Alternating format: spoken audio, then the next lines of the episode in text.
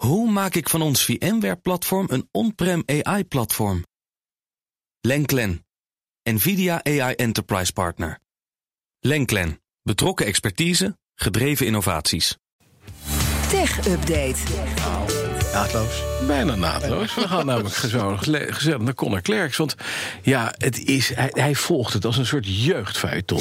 het is ongelooflijk. Maar na drie weken is de mega-rechtszaak tussen Epic Games en Apple voorlopig klaar, begrijp ik. Ja, voorlopig uh, wel. Ja, heel kort. Hè, die, uh, die zaak draaide om uh, vermeend machtsmisbruik door Apple. Omdat ja, alle in-app verkopen uh, moeten op iOS via de App Store uh, lopen. En daar pakt Apple 30% van. Ja. Nou, drie weken lang werden er getuigen gehoord. En gisteren was het woord aan de federale rechter... die zich over deze zaak buigt. Dat is mevrouw González Rogers.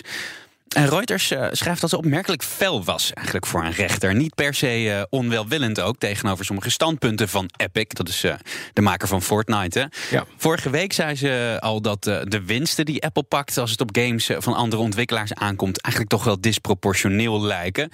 En gisteren vroeg ze ook aan de advocaten van Epic of er een manier was om hun problemen op te lossen zonder dat dat hele iOS-ecosysteem open moet worden gesteld Mhm. voor app stores. Ja. Want dat is iets wat Epic uh, heel graag zou willen zien. Maar dat zou nogal een grote verandering zijn. En ja, rechters runnen geen bedrijven, uh, zei uh, um, mevrouw González Rogers.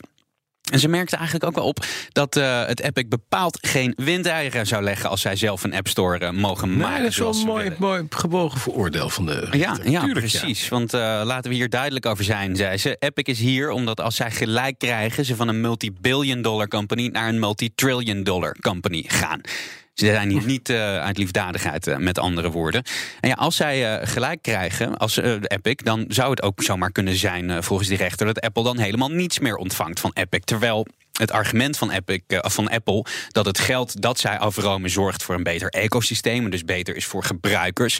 Die rechter die lijkt zich daar ook wel een beetje ja, in te kunnen Maar dan zou je moeten vinden, zou je een weging moeten vinden in de opbrengst. Hè? Wat kost het je om daar van zo'n platform gebruik te maken? Ja, bijvoorbeeld. Wat weegt, wat staat, wat is een redelijke vergoeding voor het feit dat Apple je een veilig ecosysteem biedt? Ja, precies. En 30% is dan misschien wat. Is misschien wat veel. En ik denk dat ze daar wel wat aan gaat doen. En misschien gaat zeggen, naarmate je omzet zo groot wordt, kan je wel wat meer gaan vragen dan. Hè? Dat, misschien kan je er een weging in vinden. Ja, nou dat is, uh, dat is eigenlijk al het geval. Hè? Want ze hebben onder grote druk hebben ze voor kleine ontwikkelaars. In elk geval heeft ja. Apple, maar ook Google uh, inmiddels hun kosten naar beneden. Tarief. Ja, onder, ja. maak je minder dan een miljoen winst, geloof ik uit mijn hoofd. Ja. Als ontwikkelaar nou. in dollars, dan uh, betaal je dus 12 procent of zo. Dit gaat de mevrouw wel lezen, want die moet nog even 4500 pagina's door. Die rechter. ja, bedankt. Ze zei, dat kost mij wel een paar maanden. Um, dus ja, ik mik zo ergens eind augustus uh, zullen we waarschijnlijk een uitspraak horen. Het wordt een epic uh, verdict, denk ik. Dat zeker. Rusland heeft het aan de stok met Google.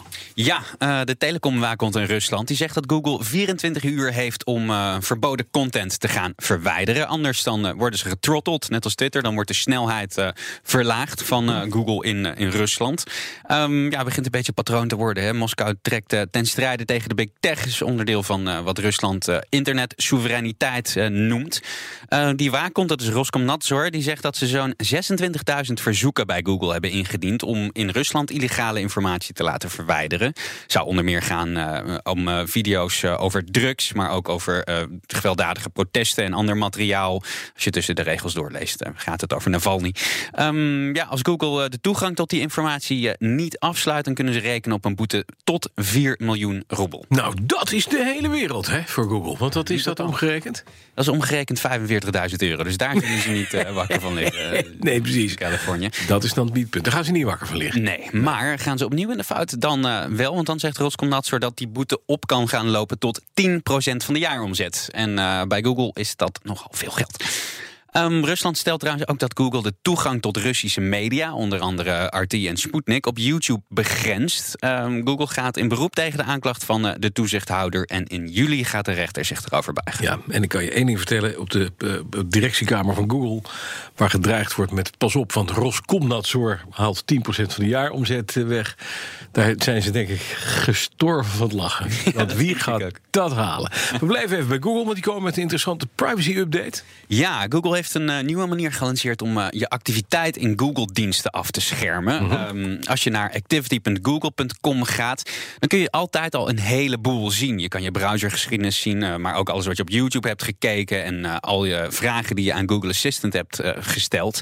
Maar dat kun je dus voor jezelf doen. Maar stel, Iwan die gaat even koffie halen zo en die laat zijn scherm openstaan. Kun je bij hem ook naar activity.google.com gaan en dan zie je dus zijn hele. eh Ja, hij zit altijd alle twee dan zo uit te zoeken. Oh nee, dat was ik.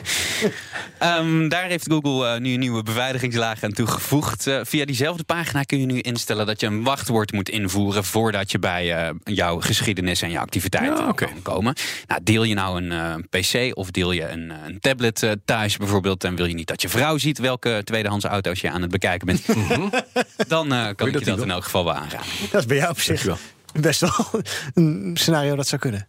Al die auto's die jij kijkt.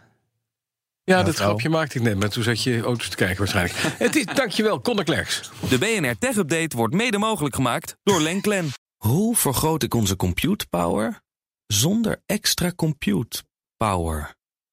Lenklen, Hitachi Virtual Storage Partner. Lenklen, betrokken expertise, gedreven innovaties.